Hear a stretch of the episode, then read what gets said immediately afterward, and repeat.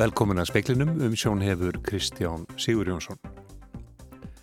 Joe Biden sóri í dag ennbætti segð sem 40.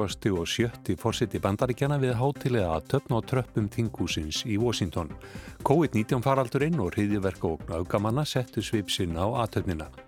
Hættust í almannavarna var líst yfir á syklufyrði í dag vegna snjóflóðahættu og íbúðarhús rýmdi í kjölfærið. Enn hefur ekki tekist að meta skemmtir á skíðasvæðinu og syklufyrði sem varð fyrir snjóflóði í morgun. Ágúst Óláður Ágússon, þingmaður samfélkingarinnar í Reykjavík og annar ottvita þar, ætlar ekki að taka þriðja sæti á listaflokksins í höfuborginni fyrir næstu kostingar. Formarflokksins segir að líðræðistett ferli hafi ráðið því að Ágúst komst ekki ofar á lista.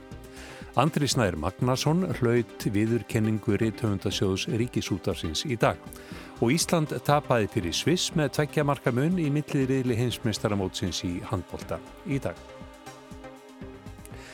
Joe Biden tók í dag við fórsættaembættinu í bandaríkjónum við hátilega að töfna á tröppum tinghúsins í Washington. Fjöldi tíina gesta var viðstatur en alminningur var beðinum að halda sig heima vegna COVID-19 farsáttarinnar og yfirvóandi ógnarverka innlendra augamanna.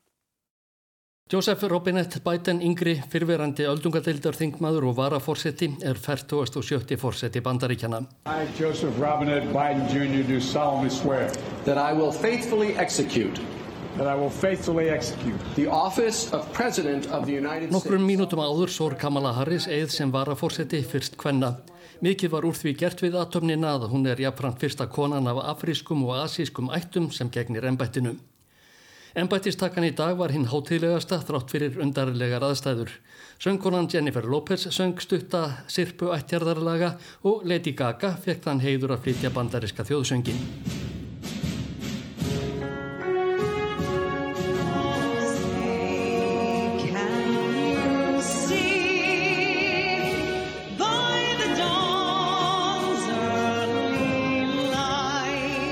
Eftir að Joe Biden sór ennbætti segði reyndar nokkrum mínutum of snemma ávarpaðan þjóðina, hvati til samstöðu og sagði að dagurinn í dag væri dagur Ameríku, líðræðis og vonar. En einu sinni sagðan að fólki hefði larst að líðræðið væri verðmætt og brótætt en á þessari stundu lagi fyrir að það hefði haft betur. We've learned again that democracy is precious. Democracy is fragile. And at this hour, my friends, Democracy has prevailed. Þetta var Joe Biden, nýjordin fórseti bandaríkjana Áskir Tómasson tók saman. En Ingólu Bjarni Sigfússon, fréttamaður er í Washington og hann fyldist með aðtötninni í dag. Ingólu Bjarni, fór þetta alls saman friðsamlega fram?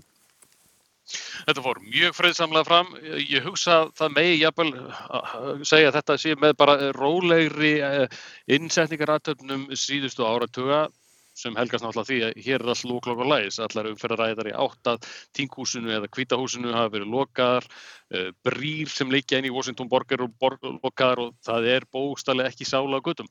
Fólki var náttúrulega sagt að það er að heima út af COVID, uh, aðtöfnir eru raun og veru hönnuð fyrir sjónvarp uh, með því að fara neyri bæði þá sér fólk í raun og veru ekki neitt, það kennst bara ekki nægilega langt, þannig að já, þeir sem að voru heima við sjónvarpið uh, hafa vonandi nota þess með popcorn en hér er óskaplega mikil ró yfir öllu brjáluður í þetta Já, en anstæðingar bæti eins og stuðningsmenn Trumps fyrirverandi fórsettar, þeir höfðu nú hóta mótmælum og þeim jáfnvel vopnuðum víða um land. Hvað var það af þessum mótmælum? Ég hef ekki heyrt af neinu sem orður á gerandi. Ég veit að það voru svona minniháttar mótmæli niður við Union Station, lestarstöðina, sem er ekkert skamt frá, eða sem er tiltölulega skamt frá þinghúsinu uh, og er kannski svona svæði sem er almenn ekki aðgengilegt en það var ekki nógu mikið til þess að lauraglann segja ástæði til þess að gera neitt. Uh, ég síndist á því sem ég sá, ég er hinnum einu borginni að þetta væru svona nokkur með einn einhverjir týjir þar og að mótmæla með bara yfirvöguðum hætti. Ígól Bjarni, við heyrum í þér í sjónarsrættum klukkan 19. Takk fyrir þetta.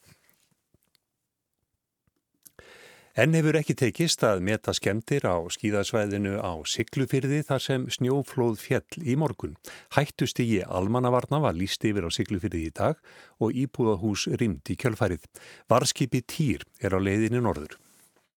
Það hefur snjóað mikið á tröllaskaga síðustu tvo sólarhinga og mörg snjóflóð fallið á svæðinu frá Siglufyrði að Dalvík. Um miðjan dag var viðbúnaðasteg og Siglufyrði fært yfir á hættustig og í kjölfari voru nýju íbúðurhús rýmt við tvær götur síðst í bænum. Byggðin þar er varin með snjóflóðavarnagarði en viðstofan bendir á að við verstu aðstæður geti hluti stóra flóða farið yfir varnagarða.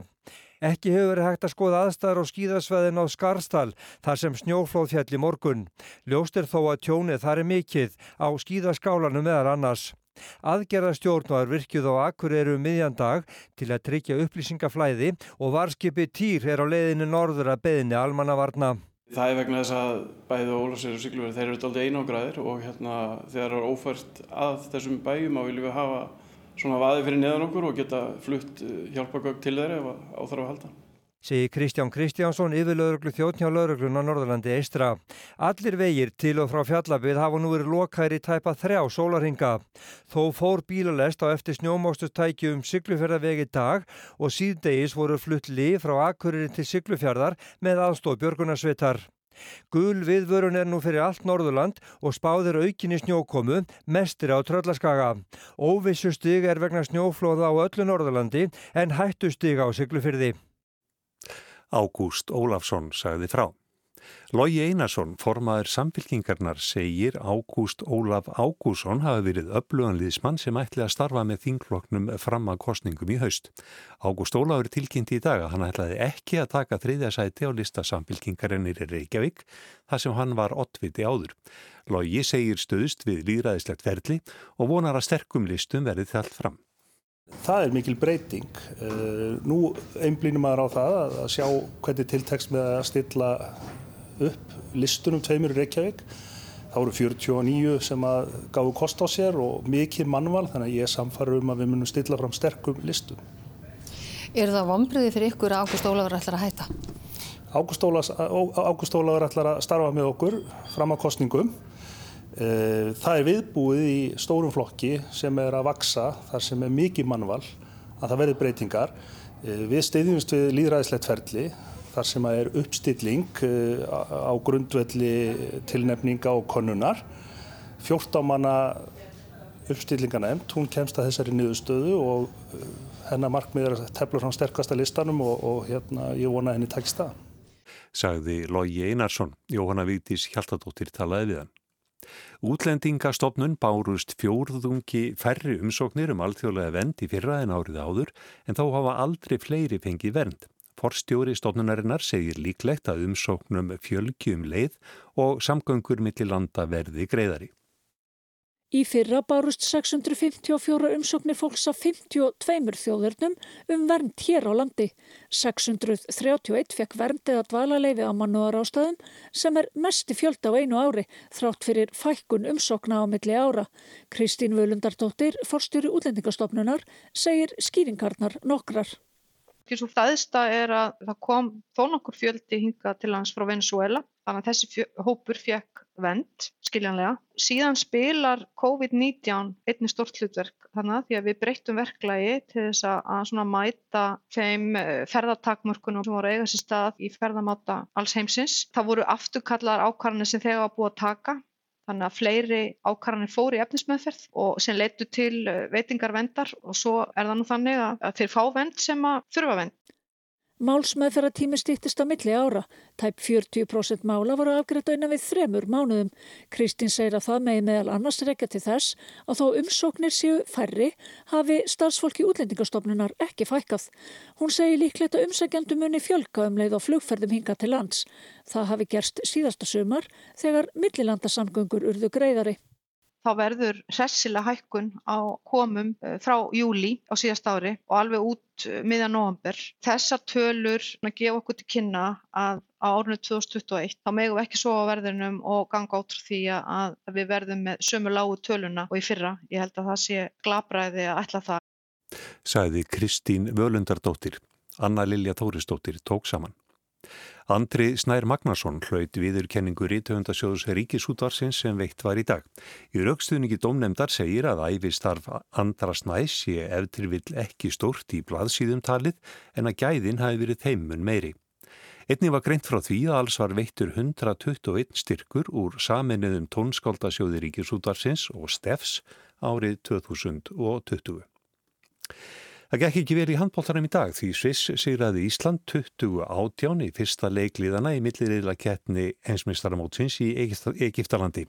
Guðmundur Guðmundsson, landslýstjálfari Íslands í handbólta, segir, svíð, segir að tapið svíði svakalega. Ég vil þá hrósa leikmannum fyrir hetulega baróttu þegar gáðu hjarta sitt að sáli í leikin og uh, fengum einhvernugis á okkur 20 mörg en því miður þá skorum við bara átján þar liggur þetta og þetta liggur í svona smáadröðum hér og þar. Saði Guðmundur Guðmundsson.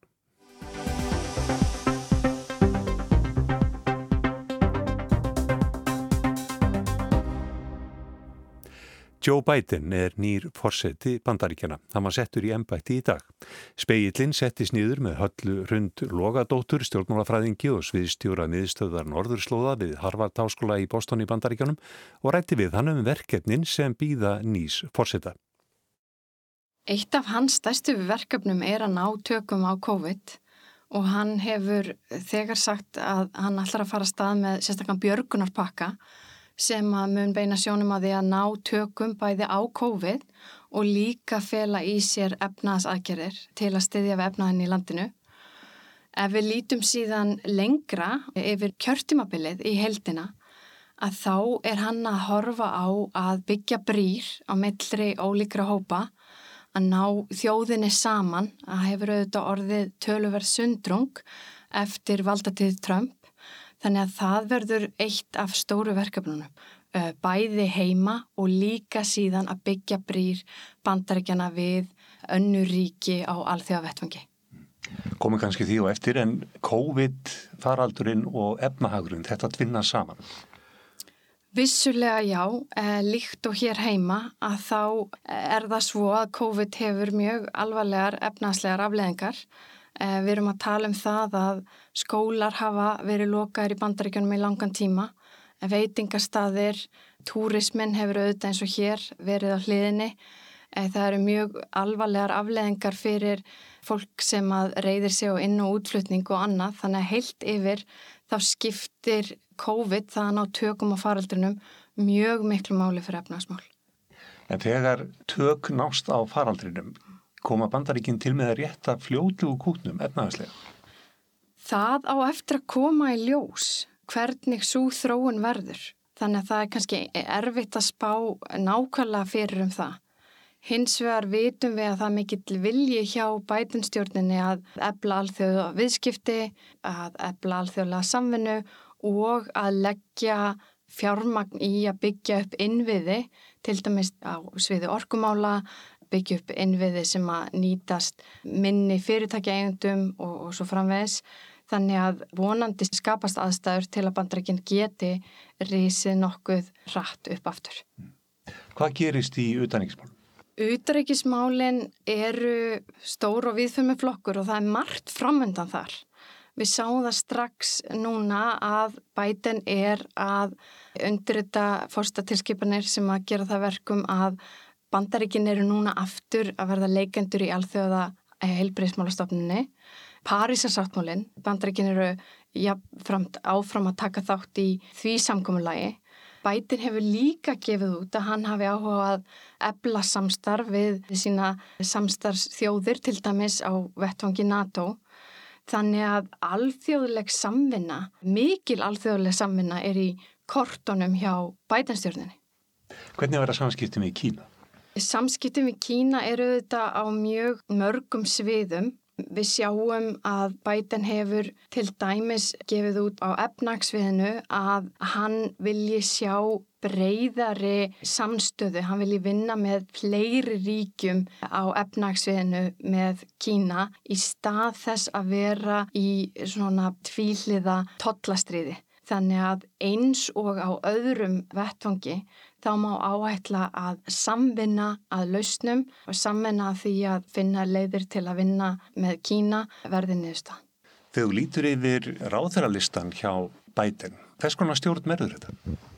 Það er alveg ljóst að hann er að skipa mjög fjölbreyta stjórn sem að kannski eru fulltrúar bandaríkjana í miklu víðara skilningi en áður. Þú horfir til dæmis á hlutfall kvenna, hlutfall kynþátt á annað sem eru inn í stjórninni að þá eru fleiri með rattir við borðið, ef svo maður segja. Ef ég horfi svona kannski á þá sem er að koma í embætti og eru, hafa verið tilkynntir ekki kabinettið en, en svona í leikil stöður samt sem áður innan stjórnarinnar að þá sér maður mjög sterkar konur, maður sér Samantha Power sem að var sendiherra bandarækjana gagvart saminuð þjóðanum og hefur verið ödult talsmaður friðar og, og þróunarsaminu.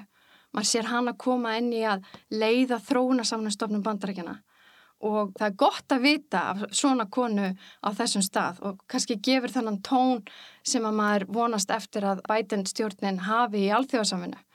Síðan sér maður Vendi Sjörman sem er núna búið að skipa Under Secretary of State. Hún var í því hlutverki að semja til dæmis fyrir bandaríkinn við Íran um kjarnorku áhullin þeirra. Aftur dæmi um konu sem að mun öruglega leggja marksitt á því að stöla að friði í heiminum í gegnum alþjóðasamninga. Þannig að ég verð að segja þegar maður sér svona kandidata sem maður veit að eru með hjarta á réttum stað og vilja vinna ötulega að því að stöðla betri heimi að þá séum maður rótt og vel. Donald Trump hann bent á það og mér minnir að Mike Pence hafi gert það líka rétt áður en þeir leta á ennbætti að í valdatíð Trumps þá hafi bandaríkin ekki farið í stríð. Hvað gerist í bætinu? það á eftir að komi ljós hvernig heimsmálinn þróast ef svo maður segja þannig að það er erfitt að spá fyrir nákvæmlega hvernig það verður. Hins vegar má segja að meðan að stjórn Trumps hefur ekki farið í stríð sem er vissulega góðar fréttir að þá voru mikil átök innanlands og, og kannski myndast meiri sundrung innanlands. Það þarf að ná að byggja frið millir stríðandi fylkinga innanlands og það er verkefni sem að býður bæten og líka býður vissulega stort verkefni sem að býður republikla annaf flokksins er hvernig þeir ætla að vinna áfram að sínum málum. Þá kemur spurningin, hvað verður um Trump núna? Nú er áhugavert að fylgjast með hvernig ferlinu vindur fram varðandi það hvort hann verði fundin segur eða ekki um embætisklöp og það hvernig hans tíð vindur fram mun ráðast mögulega að einhver leiti af því hvernig það ferli fer. Þannig að við verðum eiginlega að býða og sjá núna bæði hvernig valdaskiptin fara fram. Ef að valdaskiptin í dag og svona næstu vikurnar verða friðsamleg að þá eru kannski minni líkur á því að hann verði fundin segur í öldungadeildinni og ef hann er ekki fundin segur í öldingadeldinni að þá er kannski auðveldara fyrir Trump að byggja sér fylgi og, eða hans stuðningsmenn í framhaldinu. Ef að hins er það tekst að finna hann segan núna og jafnvel að koma í vekk fyrir það að hann geti orðið fórseti eftir næstu fjögur ár að þá auðvitað skapast svigrum, kannski ennþá meira svigrum fyrir aðra leikundur innan flokksins að skoða hver verður næsti frambjóðandi republikaflokksins. Þannig að það er spurning hvort að Trump og flokkurinn eigi reynlega samlið. Þetta eru spurningar sem við munum ekki fá svar við fyrr en að ríkið hefur aðeins sest eftir valdaskiptin og eftir að þetta ferli klárast. Þannig að það er of snemt að segja til um það. Þetta var Halla Rund Logadóttir, stjórnmálafræðingur. En hver er Joe Biden? Anna Kristín Jónsdóttir leiti yfir feril hans, feril hans í dag. When I die, Delaware will be written on my heart. And the hearts, hearts of all, all of us, all the Bidens. We love you all. You've been there for us in the good and the bad. You never walked away. And uh, I am proud, proud, proud, proud Þetta saði Joe Biden í Delaware í gær að hann lagði af stað til höfuborgarnar Washington þar sem tók við ennbætti fórseta í dag. Biden saðist afar stoltur af því að vera sonur Delaware, nafn ríkisins veri greift í hjarta sitt og allrar fjölskyldunar. Hann stóð þarna társtokkin við miðstöð fyrir þjóðvarliði sem er kendir við sonans bó og lagði svo af stað til Washington. Joseph Robinette Biden yngri tók við sem 40. og 70. fórseti bandaríkjana. Hann er 78 ára gammal, elstur þeirra sem hafa tekið við í ennbætti. Ferðans í kvítahúsið hefur enda tekið næri hálfa öld að segja má. Allt var því að hann kjörin öldungadeildar þingmaður fyrir Delaware árið 1972. Á kjördeginum þá var hann bara 29 ára og hafði ekki aldur til að setjast í öldungadeildina en var orðin þrítur þegar hann tók sæti sitt. Biden misti konu sína Níli og unga dóttur í bílslisi nokkrum vikum eftir hann var kosin í öldungadeildina og sinir hans tveir slösuðu stíla. Sá eldri bó lést úr krabbaminni fyrir sex árum. Biden kvæntist Jill Jacobs árið 1977 og eiga þau eina dóttur. Fadir Bætens var bílasali, gengi hans og efni fjölskyldunar sveiplaðist nokkuð. Bæten er katholiki, elstur fjögurasískina og fættur í Skranton í Pensilvanju en flutti til Delaware með fjölskyldu sinna á basaldri. Hann laug laganámi og hafði sett í sveitarstjórnum skammar hríð þegar hann var kosin öldugadeildar þingmaður demokrata. Þar satt hann svo í 36 ár þar til að Barack Obama valdan sem varafórsetefni sitt. Biden gengdi síðan ennbætti varafórseta bæði kjörtímubil Obama. Æfisugurittari Bidens hefur eftir nánum samstagsmanni að Biden sé bæði hefnasti og óhefnasti maður sem hann hafi kynst. Á árunum eftir setna stríð voru börnin færi og möguleikar kvítra drengja til að sækja sér mentun og styrki meiri náður. Biden hafi orði fyrir mikilli sorg og glýmt við martumæfina en hann hafi líka risið hátt og átt glæstan feril. Í æsku stamaðan og sætti einelti en segir að það hafi glætt samúð sína og samkendi með þeim sem eru á jæðrinum og fadir sinn hafi sagt sér að þegar á móti blási megi menn ekki láta bugast. Kids make fun of you because you can't pronounce your last name. You say Biden. Get up. Flunked a class in law school. Get up. Your wife and daughter. I'm sorry, Joe. There was nothing we could do to save them. Get up. Statt upp, saði pappi. Krakkar gera grína þér því þú getur ekki borðið fram eitt eigi nafn. Fjálstu í kursinum, statt upp. Læknirinn segir það er ekkert sem við getum gert fyrir konuðin og dóttur, statt upp. Þetta var brotur ræðu sem Biden flutti árið 2008 þegar hann var kjörinn varafórseti. Sjálfur sóttist Joe Biden eftir því að verða fórsetefni demokrata nokkrum sinn máður og gekk vægarsagt illa framanaf. Fyrst komst hann á blað þó ekki verðan hátskrifaður árið 1984, svo 1988 og aftur tíu árum síðar þegar Obama hrefti nossið og valdi svo Biden sem varafórsetefni sitt. Á laungum pólitískum ferli hefur bætin yfirleitt verið flokkaður sem miðjumadur en það er líka ímislegt sem hann hefur þurft að endurskoða og jafnvel byggjast afsökunar á. Á áttunda áratöfnum var hann til dæmis talsmaður fólks sem bytti sér gegn því að bönn væri flutt millir skóla til að vinna gegn aðskilnaði kynþótta. Nokkuð sem var að fórsetans, Kamala Harris, hermdi upp á bætin þegar þau keftu um tilnefninguna. Do you agree today that you were wrong to oppose busing in America. Then, no, do you agree? I did not oppose busing in America. What I opposed is busing ordered by the Department of Education. Þarna saðist Biden reyndar aldrei hafa verið á móti því sem kallaði bussing og ennsku heldur því að það veri gert að skipan mentamálaráðnitsins. Hann hefur í gerðin tíðin að tala fyrir réttundum svartra og notið hilli svartra kjósenda frá fyrstu tíð. Hvernig á að draga úr spennu milli svartra og hvítra er einmitt eitt stóru verkefna sem býður bætnes og hvernig á að samina þjóð sem er klófin. Það á tímum heimsfarsóttar og efnarstrenginga. Þá telja greinendur að geti komið bætin vel að hafa sínt fram og að geta lært af mistökum. Hann fær einhverna hóvar stjórnmálumæður sem hefur gengist við fylgspórum en líka sínt fram á pólitísk klókindi á laungum ferli. Anna Kristín Jónsdóttir sagði frá nýjum fórseta bandaríkjana.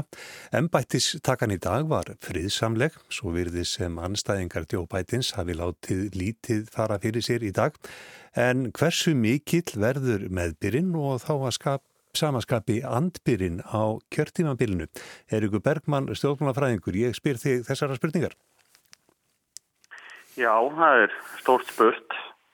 Hann fær ágæti start í dag Um, það má segja að um, í bandaríkjunum hafi margir verið orðnið þreyttir á þeim ófríði og bara seinlega upplöst sem að verið yfir í, í bandarískum stjórnmálum uh, að undanförnu og þess vegna er ákveðin eftirspurn eftir meiri ró og uh, forsetta svona sem að gefa sig út fyrir að vera mikill uh, málamilari.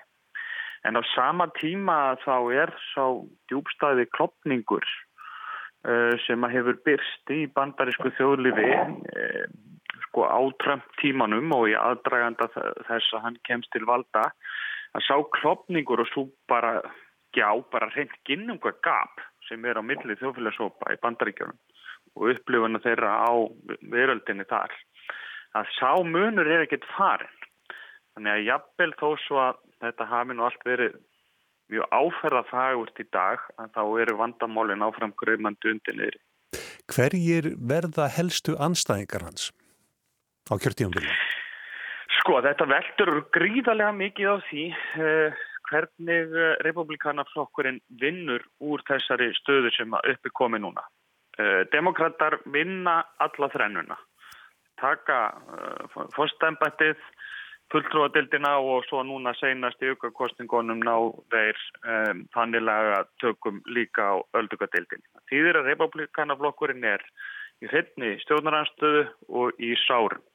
Undir fórustu manns sem að margir segja hafi farið hans í illa með bæði flokkin og orðsporbandryggjana uh, út á við og hefur leitt til þessara sundrunga sem við séð innanlands. Þannig að, að það uppgjör sem að óumflíjanlega mun fara fram innan eh, republikanaflokksins ræður því hvaða andstöðu Joe Biden mætir.